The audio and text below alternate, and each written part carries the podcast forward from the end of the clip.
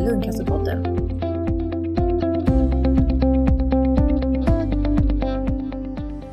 Hej och välkommen till Lungcancerpoddens första avsnitt för i år.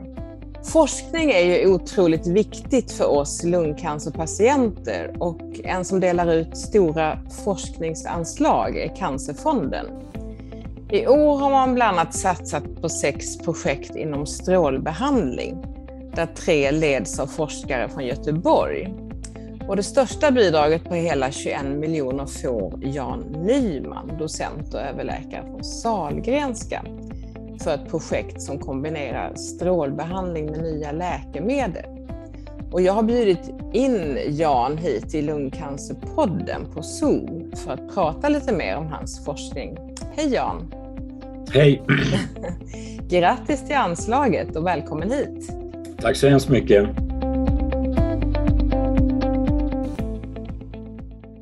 Uh, vem är du Jan? Vad jobbar du med? Jag är född och uppvuxen i Uppsala. Jag är nu 65 år och eh, när jag var klar med utbildningen i Uppsala så flyttade jag till eh, Göteborg och har bott i, här i 40 år är det väl nu ehm, och jobbat på Sahlgrenska i princip hela tiden med eh, något avbrott. Jag har varit, jag forskade ett halvår i London på 90-talet och eh, sen jobbade jag på Rikshospitalet i Köpenhamn ett år för tio år sedan just med lungcancer. Det var en intressant erfarenhet eh, att se ett annat sjukvårdssystem. Mm. Sen eh, så fort jag har någon längre ledighet så vill jag åka till Frankrike där vi också har ett annat boende. Ja, du är ju lungonkolog. Eh, vad jobbar du mest med? Eller kan man säga lite hur du fördelar din tid? Ja, förutom lungcancer då, så jobbar jag också med en annan tumörgrupp, huvudhalscancer. Och jag jobbar både med medicinsk cancerbehandling och strålbehandling. Min arbetsvecka ser väl ut ungefär så att jag har tre dagar med fullt med kliniska uppgifter, mottagning, träffa patienter, är med på såna här MDK för att besluta om behandlingar. Och, Ursäkta, eh, MDK? multidisciplinär konferens, ah. det har vi ju veckovis där man då går igenom de nya patienterna och kommer fram med ett råd, ska jag snarare säga, än beslutar om vilken behandling som man vill eh, rekommendera för patienten. Och det, det, är en rätt stor verksamhet och där tror jag också att det har varit en kvalitetshöjning att eh, det kanske inte är en enda läkare som bestämmer eller föreslår hur man ska behandla en ny patient utan att det är en grupp som har kanske olika infallsvinklar ja. Så det tar rätt så mycket tid, men jag tror att det är värdefull och bra investering för patienterna. Sen eh, en dag i veckan har jag avsatt för forskning och en dag i veckan jobbar jag med som regional processägare för Just det. Vad betyder det, processägare? Ja, vi är, är ju två stycken då i Västra Götaland, en lungmedicinare och jag, och som har till uppgift då att se till att saker och ting fungerar så bra som möjligt, att det påpeka om det finns bristande resurser någonstans, eh, identifiera köområden, implementera nya vårdprogram, skriva regionala riktlinjer för det nationella vårdprogrammet. Vi åker också ut på en så kallad dialogturné varje år och besöker alla enheter som eh, diagnostiserar eller behandlar lungcancer på de andra fyra olika sjukhusen i Västra Götaland och har en dialog med dem då vad de tycker är, kanske behöver stärkas eller hur samarbetena ska fungera bättre. Samtidigt så har man ju inga direkta ekonomiska medel i den här funktionen och man kan identifiera problemen, kanske inte alltid själv göra så mycket åt dem. Men eh, framför allt då signalera att här måste vi göra någonting, för det här fungerar inte. Sen eh, den rollen är det väl också meningen att man ska stärka patienternas situation ur olika aspekter, få igång mer rehab, eh, faciliteter, eh, patient och anhörigråd som är, det här är ju då en undergrupp som organ, här, hela den här verksamheten organiseras under det regionala cancercentret då i Västra Götaland. De flesta regioner har ju något liknande men det kan vara lite olika uppbyggt då och eh, i Västra Götaland tror jag att det är 29 eller att kanske minst 30 olika sådana här regionala processägare medan andra regioner kanske har fyra, fem stycken bara på de allra största tumörgrupperna. Men det här har hållit på i ja, drygt tio år nu. Ja, det låter som du har fullt upp kan jag säga. Mm. Men hur hamnar du inom just lungcancerområdet? Ja, om man tar då tidigt 80-tal när jag började arbeta inom onkologin, då tyckte jag att eh, lungcancer här fick en rätt styrmodlig behandling.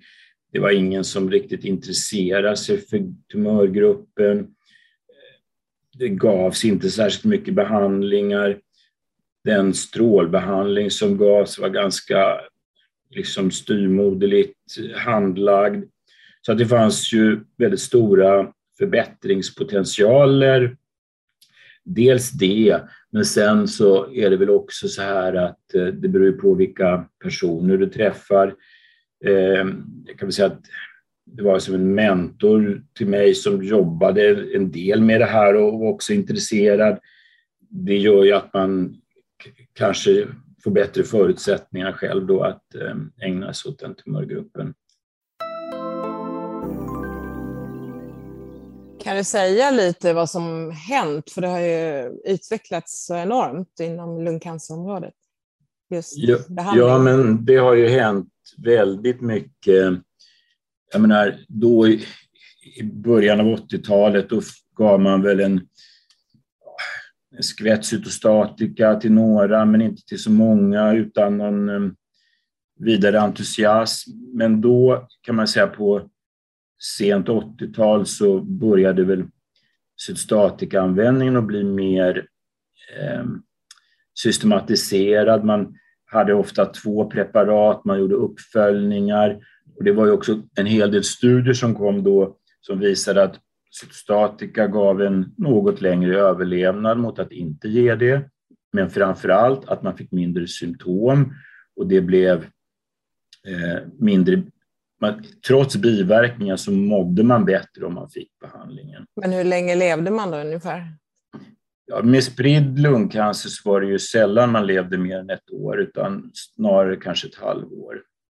Sen kom ju det här stora, på tid, framförallt på tidigt 2000-tal, att man kunde karaktärisera lungtumörerna molekylärt på ett mycket bättre sätt och fann det här att vissa hade specifika mutationer i sina tumörer som var drivande för tumörutvecklingen. Och då kom ju alla de här målsökande läkemedlen. I början visste vi ju inte riktigt vilka som skulle ha dem, utan då gav man dem till all, alla eller mer oselekterat. Sen fann man ju då det här med EGFR-mutationerna, man fann ALKRI-arrangemanget, man fann ROS1 och man, den ena efter den andra. Och där har ju för de patienterna som har en drivande mutation verkligen förändrat bilden att man med en tablettbehandling kan kanske inte bota sjukdomen men skjuta upp sjukdomsprogress för vissa är då i flera år eller mer. Mm. Och det var ju en, en revolution kan man säga. Mm. Jo, det är oerhört eh, glädjande för vissa patienter, till exempel i mitt fall, att jag eh, har levt i fyra år med min EGFR-mutation. Men varför eh, är det så att inte alla klarar av behandlingen eller så? För flera som blir sjuka samtidigt med mig har ju dött redan. Och kan du ge några synpunkter på när det inte går att behandla? men alltså jag skulle säga att um, det beror ju på många faktorer. Alltså en del utvecklar en resistens mot den medicin man får. Och det har man ju försökt då genom att hitta nya mediciner som kanske kan ta den här, hantera den här resistensutvecklingen. En annan aspekt är ju att en del patienter är ju för svårt sjuka allmänt med samsjuklighet och har ett för dåligt allmäntillstånd och då är det ju sällan som vi lyckas med, med eh, en behandling, även om den teoretiskt skulle funka. Om man kommer in och när vi ska börja behandlingen, om man är sängliggande mer än halva dagen och kanske har massa andra sjukdomar, hjärtsvikt, njurproblem. Toleransen för behandlingen och genomförandet blir då ofta väldigt svårt att eh, kunna nå det man vill. Sen om jag är inne på det här spåret med nyheter som har hänt förutom målsökande behandlingen då, så blev ju då nästa stora genomslag det här med immunterapi. Eh, och det tycker jag på ett sätt är lite, vad ska jag säga, fascinerande att immunterapin har ju haft bäst funktion på de tumörgrupper där man hade tidigare minst att erbjuda. Till mm. exempel spritt malignt melanom. Det fanns ju ingen vettig behandling på 80 och 90-talet där. Många lungcancer som inte då hade någon drivande mutation gick ju inte som grupp något särskilt bra. Och det är de diagnoserna som har haft störst nytta av det här med immunterapin. Så det var ju ett annat stort mm. genombrott. Framsteg, som verkligen. Sent 10-tal, alltså 17, 18, 2017 började vi väl använda det mer systematiskt. Mm. Och sen har ju det fått plats i många olika delar av lungcancerbehandlingen. Dels ihop med cytostatika, dels som ensam behandling vid spridd sjukdom, dels efter behandling, alltså kemoradioterapi för lokalt avancerad, man ger det efteråt.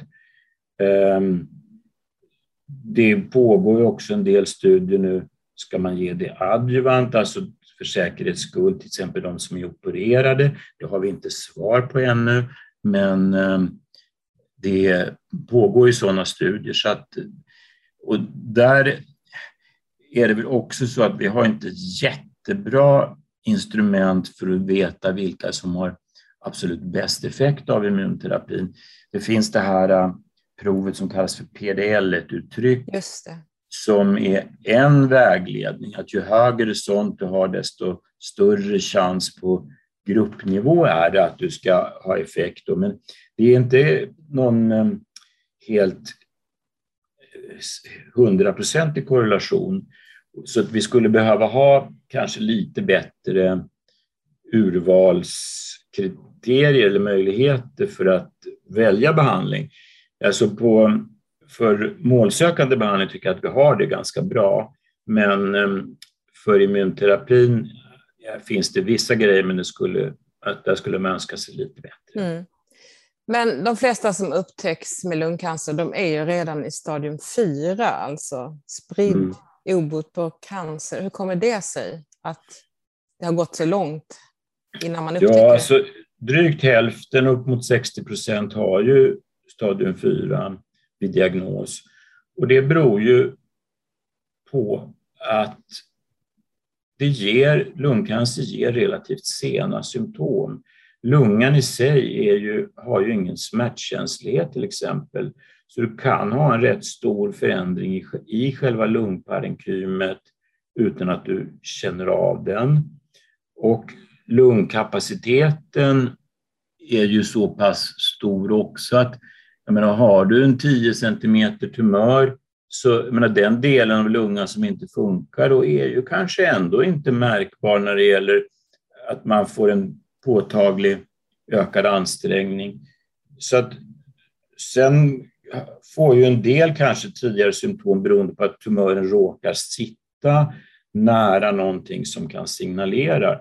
Men det andra eh, sättet är väl då att undersöka patienter som har en lite ökad risk för lungcancer och hitta det tidigare. Ja, det är rökare då främst. Ja, då kommer vi in på det här som kallas för screening och, som, och det används ju på flera andra tumörsjukdomar, till exempel mammografiscreening för att upptäcka bröstcancer. Och eh, när det gäller lungcancer så finns det ju då två väldigt stora internationella undersökningar som visar att det är värdefullt. Det visar att, att eh, risken att dö i lungcancer minskar med någonstans 25 procent om man använder screening.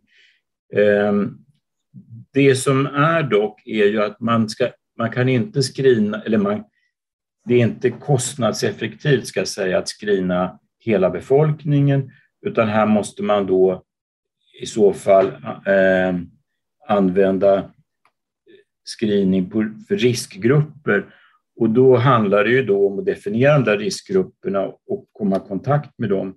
Och I det här fallet då så är det så att det måste, de som lönar sig citationstecken att screena är då rökare eller ex-rökare som måste ha haft en viss konsumtion under en viss tid. Men när tror du att man kommer igång med screeningen?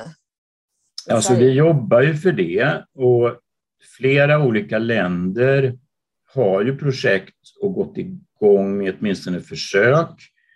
Ehm, vi tycker att det, de här två jättestora studierna är ju redan gjorda så att man behöver inte göra en ny studie för att visa att det är värdefullt. Vad som behövs i Sverige är att finna på hur ska det organiseras rent praktiskt? Hur kommer vi i kontakt med rätt målgrupp?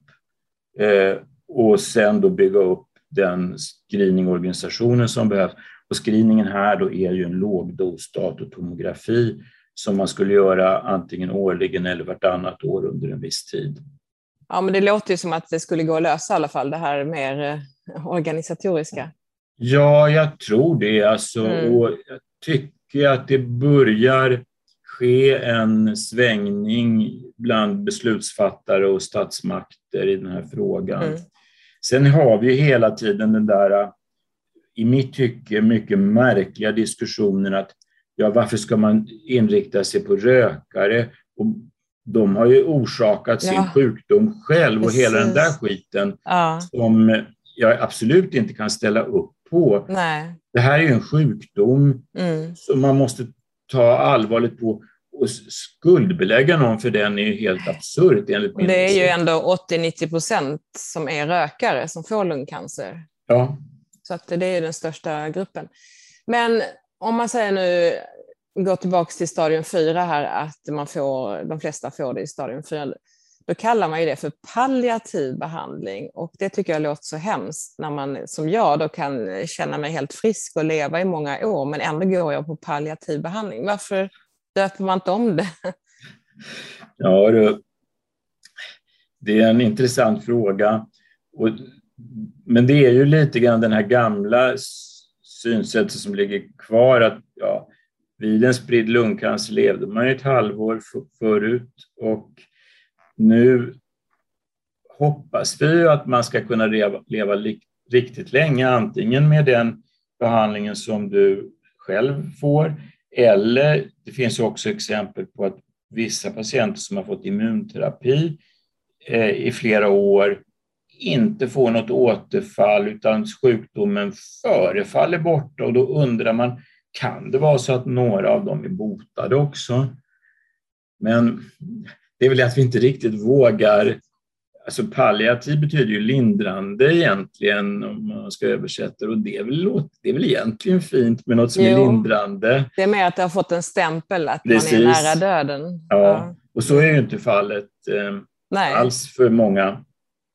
Nej, det är fantastiskt. Men hur mycket beror eh, utvecklingen av nya behandlingsmetoder på förfinade analysmetoder? För det har ju utvecklats något enormt.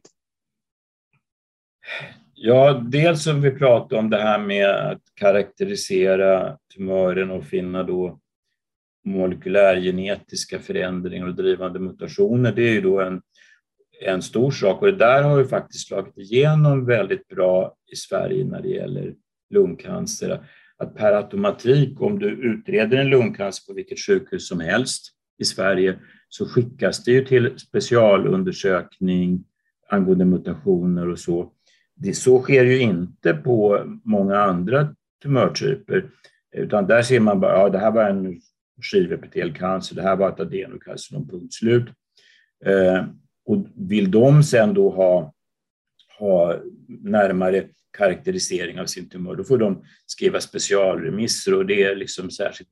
Men eh, i Sverige går ju alla in på något som kallas för NGS. NGS står för Next Generation Sequencing, att man per automatik undersöker för alla de här möjliga behandlingsbara mutationerna. Så, så det är ju en sak. En annan sak är ju att diagnostiken har ju förbättrats eh, så tillvida att vi kan med större säkerhet säga vilket stadium en patient har nu. En viktig sak där är införandet av PET-CT, alltså den här radioaktiva kontraströntgen av hela kroppen som man gör nu på alla där man har lite högre ambition att eh, möjligen tänka sig en botande behandling, antingen operation eller kemoradioterapi eller stereotaktisk strålbehandling. Eh, man, att man inte gör det på riktigt alla patienter är för att de som har säkra kända metastaser i olika organ, där kanske inte man tjänar jättemycket på att se exakt eh, utbredning, men det kanske kommer. Så att man då behandlar personer i rätt stadium. Också att man är mer, mycket mer frikostig med provtagning. Till exempel vid Eh, diagnos av en ny lungcancer där man kanske inte vet om sjukdomen är spridd, tar man nu prover på ett systematiskt sätt från lymfkörtlarna med hjälp av det som kallas för EBUS. EBUS eh, är förkortning för endobronchial ultrasound, alltså bronkoskopi med en ultraljudsledd eh, möjlighet att ta prover som ligger lite utanför själva bronken då och se om de innehåller tumörceller för att få återigen för att få rätt, exakt rätt stadium. Mm. Och det här har ju lett till då att andelen med stadium 4 har ökat lite grann för att man mm. vet att de har det nu. Det visste mm. man inte för okay. på en del fall. Och på det sättet så förbättras ju behandlingen lite grann i, i egentligen alla stadier. För att de som har stadium 1, de är mer renodlade eh, och det var inte de som hade spridd sjukdom som man kallade för stadium 1. Och de som har stadium 4, där får man några som har jättesmå metastaser som eh, hade räknats in i stadium 3 eller 2 mm. tidigare. Så att det i sig kan ge en viss förbättring för alla stadier. Faktiskt. Man borde få mer rätt behandling då? Ja, precis. Om vi nu går över på just strålbehandling, eftersom det var lite det vi skulle prata om, så verkar det ha kommit i fokus tycker jag nu. Eh, ja, vad beror det på? När använder man strålning? Ja, men strålning har ju använts ganska länge i lungcancersammanhang, men jag kan väl säga att framförallt på 90-talet som det tog fart. Och det är ju man kan säga att det är tre stora viktiga grupper som får strålbehandling. Dels de som har lokalt avancerad sjukdom, alltså att den inte är operabel men inte spridd. Man kanske har spridning till lymfkörtlar mellan lungorna eller en rätt så stor tumör. De får ju då eh, vad vi kallar för kemoradioterapi. De får en kombination av medicinsk behandling, ofta cytostatika då, och strålbehandling. För dem gäller det att man ger en rätt så hög dos, men att man också delar upp dosen på väldigt många små fraktioner för att det är relativt stora områden som måste behandlas för att man täcker in adekvat all sjukdom. Och där har det skett eh, en en utveckling i den gruppen. Dels att man kan avgränsa områdena som man strålar mycket bättre med nya strålbandstekniker. Istället för att stråla en gata rakt genom kroppen så har man nu ehm, en snurrande linjäraccelerator som roterar runt patienten och kan ge en liten dos på olika vinklar och inriktningar. Rotationsbehandling eller något som också heter IMRT som står för intensitetsmodulerad radioterapi. Ehm, Dels det, dels att de här, dessa patienter alltid har gjort en PET-CT innan så man vet exakt, mer exakt var sjukdomen sitter. Eh, att vi gör mer noggrann kalkylering innan. Hur är lungfunktionen? En viss stråldos mot lungvävnad riskerar att slå ut funktion. Du får göra en kalkylering. Ehm, 20 procent av lungvolymen i det här fallet kommer få en dos över 20 grej som riskerar att ta bort funktion. Klarar patienten det? Man gör så kallat dosvolymhistogram. Inte nog med att bara titta på lungorna utan titta på hjärtdos till hjärtat också. Titta på dos till matstrupen och andra riskorgan. Då. Så där har det då skett en utveckling. En annan stor grupp som inte behandlades förut är de som har små tumörer men som har mycket samsjuklighet eller dålig lungfunktion. Man tänker att ja, men, som man normalt skulle operera, men så är de medicinskt inoperabla. Den gruppen då har man utvecklat det som kallas för stereotaktisk strålbehandling eller precisionsbestrålning. Då kan man enkelt säga att man strålar då från många olika riktningar precis mot det lilla tumörområdet. Så att just där blir det väldigt hög dos och inte alls mycket dos till annat, annat organ. Och det här kan man då göra, i och med att det är så pass litet område, så kan man göra det vid ett fåtal tillfällen. Och det vanligaste är kanske att man får tre behandlingar varannan dag under en veckas tid. Och det här har då, vi har gjort flera studier runt det här och metoden egentligen eh, kan man nog säga utvecklad i Sverige ehm, där då Karolinska var först eh, med att beskriva den, även om vi i Göteborg har gjort mycket arbete runt det här senare. Eh, att man uppkommer, det uppkommer en mycket bra lokal kontroll, alltså att det ser ut som tumören är botad, även om det blir på röntgen som ett R kan man säga med bindväv där den höga stråldosen har levererats. Så det är då en annan stor grupp. Sen den tredje gruppen är då de som får strålning mera i det, du, det vi pratade om förut, i palliativt syfte då.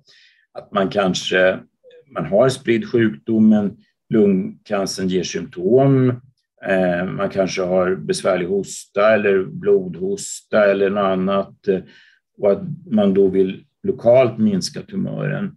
Eller att du strålar mot någon fjärrmetastas. Du kanske har en skelettmetastas i en kota som gör jätteont och då kan du stråla mot den fast det egentligen är lungcancerspridning det handlar om. Det är ju också väldigt vanligt det här och det har väldigt många patienter som får strålning av den arten. Men hur kommer det sig att man kan ha så hög dos idag som man inte hade förut? Har eh, liksom riskerna för att skada andra organ och med strålskada? Genom att noggrannare planera var den dosen ska hamna okay. och att du kan då leverera den på olika genom, genom till exempel den där rotationen sprider du ut ingångsområdet där, där dosen kommer. Men eh, samtidigt så är det ju så att det är hela tiden en balans eh, att vi vill i många stycken ge så hög dos som möjligt men samtidigt finns det ibland risker om man ger för mycket. Det finns också en biologisk inbyggd strålkänslighet i alla individer. Så att några har mycket känsligare normalvävnader än andra. Och det där är inte lätt att veta innan. Det finns metoder att titta på det, men de tar flera månader innan man får svar på och det funkar ju inte om man ska behandla en patient. Men det här leder ju till att vi ger ibland, eller vi ger lite högre dos än vad 100 procent av patienterna skulle klara. Så att några får allvarliga biverkningar. Men alternativet var ju att vi skulle sänka stråldosen till alla, låt säga 20 procent eller så. Va? Och då skulle då istället eh, många fler få återfall eller inte vara lokalt kontrollerade. Så det där är liksom en noggrann avvägning man får göra. Att riskera att någon får en allvarlig biverkning, man vet inte vem, mot att flera kan bli botade. Och det är inte ja, lätt. Jag kände ju ingenting. Jag strålades tre gånger med 64 doser. Jag märkte ingenting, varken då eller nu. Så att, ja, det verkar vara individuellt, verkligen. Hur länge har man kombinerat strålning med andra behandlingar? Ja, eh, det började väl också kan man säga på 90-talet kanske. Eh, och då var det ofta så att då börjar du med till exempel cytostatika och så gav du strålning och så jämför, gjorde du studier och jämförde det mot att enbart ge strålning och då såg du att det var bättre effekt i kombinationen, för, särskilt då för de med lokalt avancerad. Sen så fortsatte man, och gjorde studier där man istället för att ge eh, cytostatikan innan så gav man den samtidigt med strålningen och jämförde det med att ge den innan. Och då var det bättre effekt, lite bättre effekt att ge den samtidigt. Men eh, samtidigt så gav det lite mer biverkningar, så det var det pris man fick betala för eh, att göra på det sättet. Då, då. Kan man stråla alla typer av lungcancer, både småcellig och icke småcellig? Ja, eh, Fast man får göra det på lite olika sätt. När det gäller småceller så har, har vi sett då att det är ju en, en eh, sjukdom som ofta har en lite snabbare utveckling. Och där har man lärt sig att man måste ge strålningen lite tätare. Det finns undersökningar där man har gett strålning en gång om dagen under ett antal veckor mot att ge den två gånger om dagen, samma dos. Och då har det gått bättre på småceller att göra på det sättet. Så att det är det vanliga nu eh, för småcellig cancer att man ger två dagliga stråldoser eh, under, under då ett antal veckor. Vi gjorde en stor eh, eh skandinavisk studie för några år sedan eh, som, både, som utgick från Norge men Sverige var mycket delaktig som jämförde då på småcellig lungcancer två olika stråldoser antingen 30 behandlingar på tre veckor, alltså 45 grejer totalt, eller 40 behandlingar på fyra veckor. Och då visade det att 40 behandlingar var, gav en bättre överlevnad och ingen större skillnad, nästan ingen skillnad i biverkningar. Det här ledde till att vi har ändrat i det nationella vårdprogrammet nu och rekommenderar en högre stråldos för småcellcancer till de som Eh, bedöms klara av det. Och här får man ju alltid, som jag sa förut, göra en individuell bedömning, hur lungfunktion, hur tumören sitter när man planerar strålbehandling. Men grundtanken ska vara att man ska ge de här 40 behandlingarna under fyra veckor, också då ihop med cytostatika. Om vi då går över på din forskning så är du väl inte ensam om att eh, använda de här 21 miljonerna. Jag tror att du har några till runt omkring dig. Hur många är ni i din forskningsgrupp? Alltså, det är ju framförallt då fyra universitet som är inblandade. Förutom Göteborg då så är det Umeå, det är Karolinska och Lund. Och då är det ju en ledande person från vardera stället. Men så har vi ju en grupp på varje ställe som lite växlande hur många som är inblandade men eh, tänk typ fem, åtminstone fem forskare på varje ställe. Mm. Ungefär så kan man säga, även om styrgruppen är vi då fem stycken. Ska ni göra olika saker då på de olika sjukhusen? Ja, det ska vi. Och det här projektet utgår egentligen från eh, tre kliniska studier där man och det här utgår då från tre olika projekt där man kombinerar strålbehandling i lite olika situationer med medicinsk behandling. Eh, två av de studierna är redan igång och de kom, är ju svenska nationella studier. Eh, en tredje är under planeringsfas. En studie då Ehm, som heter MARS, det är en förkortning som jag inte går in på. Eh, det handlar då om patienter som har spridd icke-småcellig lungcancer eh, som då idag får, och de ska inte ha någon mutation heller, eh, utan den vanliga, mest frekventa typen av patienter. Här så får, får man ju då medicinsk behandling som det första och då kan det antingen vara statika, två, två mediciner i tre månader, eller det kan vara cytostatika och immunterapi, eller det kan vara immunterapi enbart.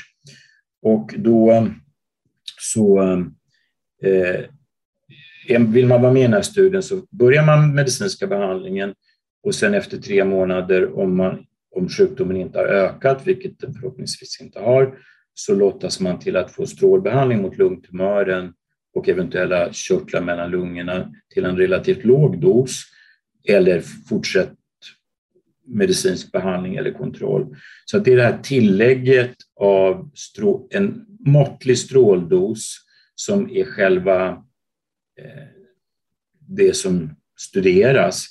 Sen finns det då eh, en hel del bevis och även från djurförsök att strålningen kan, om den ges till exempel ihop med immunterapi, så kan den förstärka effekten även i områden som inte strålas. Alltså mm. sätter igång processer som gör att de här antikropparna av immunterapin blir mera effektiva och att tumörer kan gå tillbaka i områden som är helt utanför strålområdet.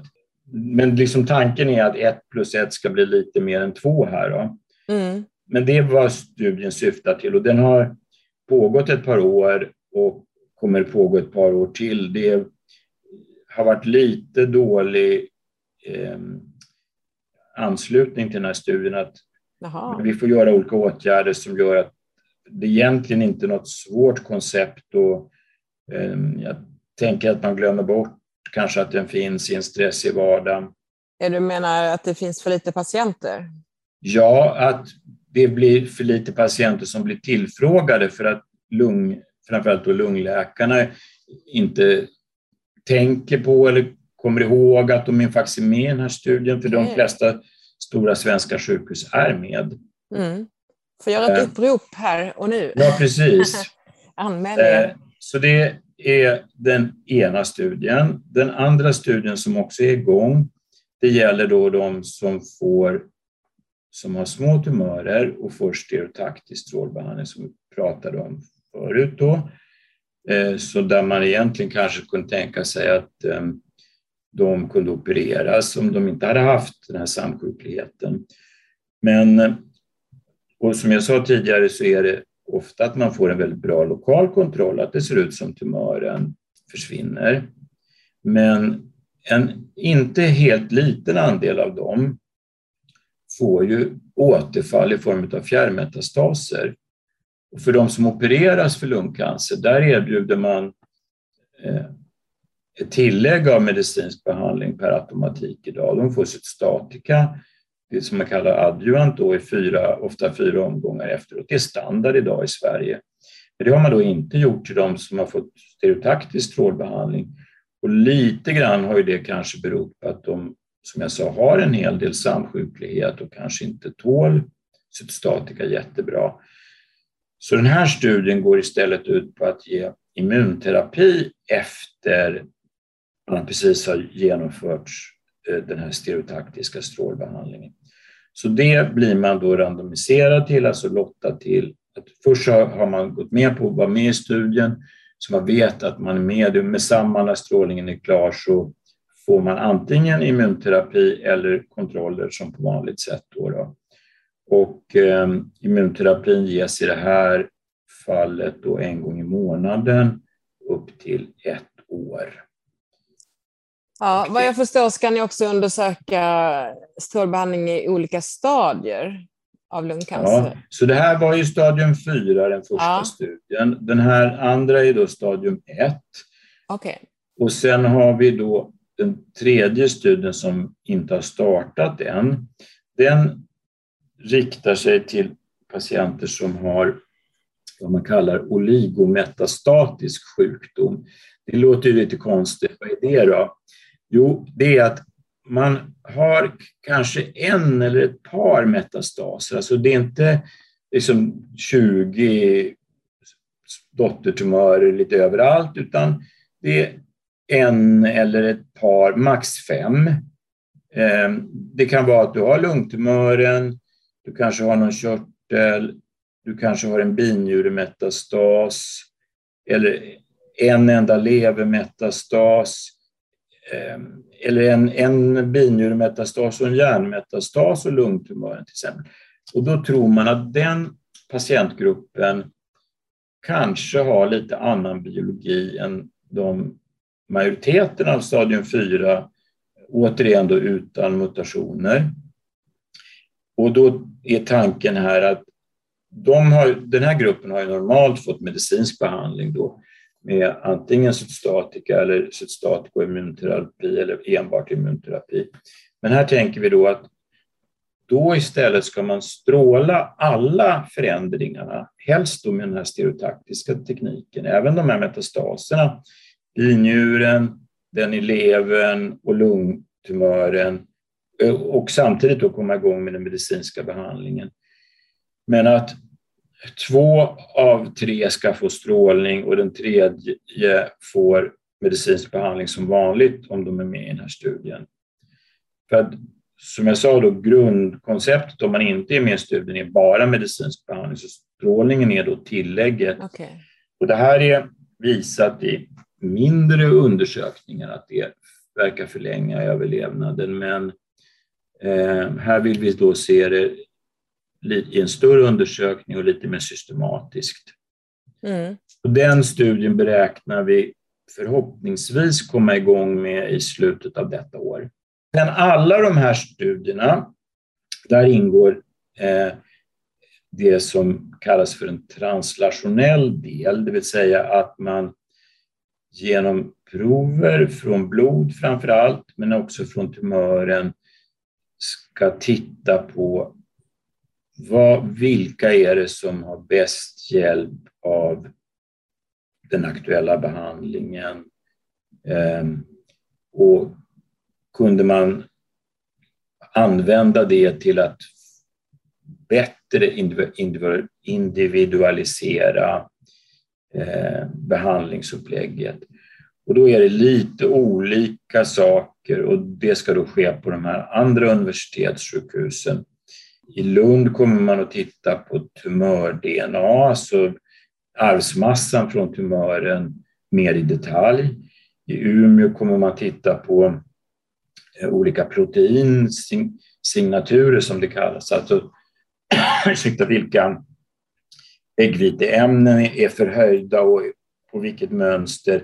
Och kan det vara eh, eh, rådgivande för hur behandlingen ska göras?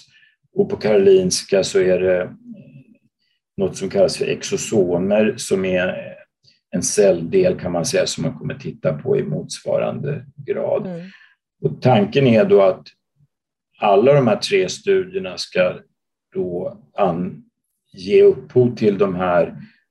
Sen vet vi inte om, om det går att använda utan det är ju liksom huvuddelen av projektet. Men basen är ju de här kliniska studierna, att vi vill förbättra behandlingen för patienterna. Sen om man lär sig mer med hjälp av prover hur man kan göra är det ju bonus istället. Mm. Vad tror du om framtiden? Kommer man att ha kvar de här beprövade metoderna som cytostatika och strålning? Det verkar som att det fortfarande ger bra effekt. Ja, det tror jag. Alltså, men jag tror också att det kommer att blandas mer och mer i vilken sekvens man gör, ger olika behandlingar och, och hur man lägger upp det hela. Men överskådlig framtid så kommer ju strålbehandling att vara kvar och någon typ av eh, medicinsk cytostatikabehandling tror jag också mm. att vi kommer att ha. Man kan tro när man läser till exempel på Lungcancerföreningens Facebook-sida att lungcancer ökar bland yngre och icke-rökare. Jag tycker jag har sett så många som bara är i 30-årsåldern, eller flera stycken i alla fall, som har kommit med. Är det så statistiskt att det blir yngre och yngre man får den känslan, eller är det fortfarande till största del äldre och rökare? Jag skulle säga att det är fortfarande äldre. Eh, medianåldern för insjuknande ligger runt 70 år och ehm, vi ser egentligen ingen större ökning i yngre åldrar, även om de kanske uppmärksammas mer. Och den ökning vi ser totalt i lungcancer, som inte är jättestor men ändå finns, skulle jag säga beror mest på att folk faktiskt blir äldre och hinner utveckla den. Ehm, sen har ju, ändrar ju sig mönstret lite grann i de, de som är under 60 år. Där är ju kvinnorna i dominans ganska tydligt. Ehm, och i de allra äldsta åldersgrupperna är männen i en ganska tydlig dominans, men det tänker jag att det kanske avspeglar mer då historiskt hur rökvanorna har sett ut. För under en tid var ju kvinnorna ledande i rökning där på 80-talet kanske Aha, framför allt. Okay. Medan då 60-talet var männen... Okay. Men varför får man lungcancer idag om man inte har rökt? Jag tänker, man tänker ju mer på miljön idag och rökning är förbjuden på de flesta allmänna platser. Ja, och så då hoppas vi att den kommer att gå ner lite grann då om rökningen minskar. Det tror jag faktiskt, även om man inte riktigt har sett det ännu, för det är ju 20-25 års lag time från exponeringen till cancern i de flesta fall. Men, Men är det bara bad luck då för oss som inte har rökt? Eller finns det andra faktorer? Alltså, det man känner till skulle jag nog mest tillskriva bad luck. När det gäller ärftlighet finns det en liten, liten del som förefaller vara det. Eh, men på Island, där man har stenkoll på genetiken i hela befolkningen, har man gjort ganska noggranna undersökningar. Och det är alltså mindre än en procent av lungcancer som kan hänvisas till ärftliga faktorer. Så det, det, kanske finns, men det är en liten, liten andel. Sen ehm, finns det ju en del andra kända riskfaktorer yttre då. Vi har det här med radon, men då är det ju nästan bara kombinationen radon och rökning som gav utslag. Det här med allmänna luftföroreningar är ganska svårmätt och hur ska man karaktärisera det? Har man bott vid en trafikerad gata? Liksom det, vet, mm, det är mm, liksom svårt att mäta. Svårt att mäta. Så att, och då hamnar man ju istället i det här bad luck eh, mm. Ja, det verkar enklast området. att ta till. ja. det pågår Det är bara tråkigt att inte fortsatt, få reda på eh, varför precis, man blir sjuk. Jag förstår det. Mm. Eh, något annat man har hört talas om nu på senaste tiden speciellt sedan covid-vaccinet kom, är cancervaccin. Är det någonting som är på G? Ja, i någon mån. Ehm, vi har till exempel gjort en ganska stor undersökning ehm, för ett antal år sedan internationellt, som vi var med här i Sverige, där man la till ett vaccin efter efter kemoradioterapi. Ehm, radioterapi. Stimuvax hette det preparatet och ehm, där blev det en lite bättre effekt för tillägget av vaccinet när det gäller överlevnad, men den blev inte tillräckligt stor så att den här medicinbolaget tog det här vidare till att lansera och registrerade läkemedel på den punkten. Ehm, det kommer en del andra vacciner ihop med cancerbehandling som är under utprovning. Kanske just nu inget riktigt hett tips på lungcancer. Jag är själv med i en studie där, eh, som gäller huvudhalscancer där, eh, som i många stycken är virusorsakad. HPV-virus som också kan ge eh, livmoderhalscancer, ger ju tonsill och eh, tungbascancer. Det här är en studie med ett vaccin mot eh, HPV då, som ska prövas, som verkar intressant. Eh, inte det som förebygger HPV som ges till ungdomar utan det som går in på ett annat sätt och blockerar. Så jag tänker att det kommer att komma fler vacciner även i lungcancerområdet. Det pågår säkert flera mindre studier som jag inte känner till. Eller kan skulle det för. fungera? Skulle det vara liksom mildrande? Det skulle inte vara att man eh, inte får lungcancer eller i förebyggande? Det finns ju olika Ehm, infall här då. Jag tänker att för lungcancer har man ju inte någon känd faktor som skulle gå att angripa för att hindra att det kommer upp med vaccin. Alltså där är det ju sällan som, åtminstone vad vi känner till, att det är ett virus inblandat just.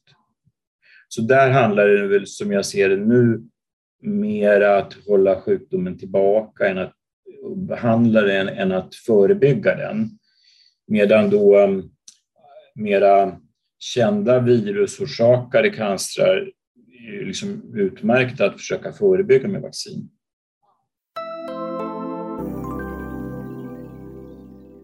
Hur ser då framtiden ut för oss med lungcancer? Tror du att överlevnaden kommer att öka ändå mer? Och att vi till och med kan bli botade. Ja, men den har ju ökat. Och det var en ja. rätt intressant sammanställning vi gjorde helt nyligen och tittade på tvåårsöverlevnaden. För då får man ju med effekter av nya mediciner på ett annat sätt. Då. Och när vi tar ut data från Svenska lungcancerregistret så år 2010, eller 9 till 10, eh, så var tvåårsöverlevnaden i Sverige för alla stadier 26 procent. Så att drygt en fjärdedel levde efter två år. Tittar vi på samma sak 2019 till 20, alltså tio år senare, så är den 38 procent. Det tycker jag är en mm. ganska stor ja, ökning på tio år. Verkligen. Jo. Och jag tror ju att den kommer att öka ytterligare. Och det vi pratade om tidigare, så tror jag, om jag ska på någonting, att enstaka patienter kommer bli botade med hjälp av immunterapin och enstaka kommer att bli botade med målsökande terapi. Det är glädjande att kunna sluta med de siffrorna tycker jag. Och jag säger stort tack till dig Jan för att du tog dig tid att svara på våra frågor. Och jag önskar dig varmt lycka till i din fortsatta gärning och med din forskning. Och tack till dig som har lyssnat och glöm inte att du kan gå in och kommentera dagens avsnitt på vår hemsida som är www.lungcancerpodden.se. Och som vanligt tack till Tailo för inspelning och klipp. Hej då och på återhörande. Hej då Tack så mycket, hej då.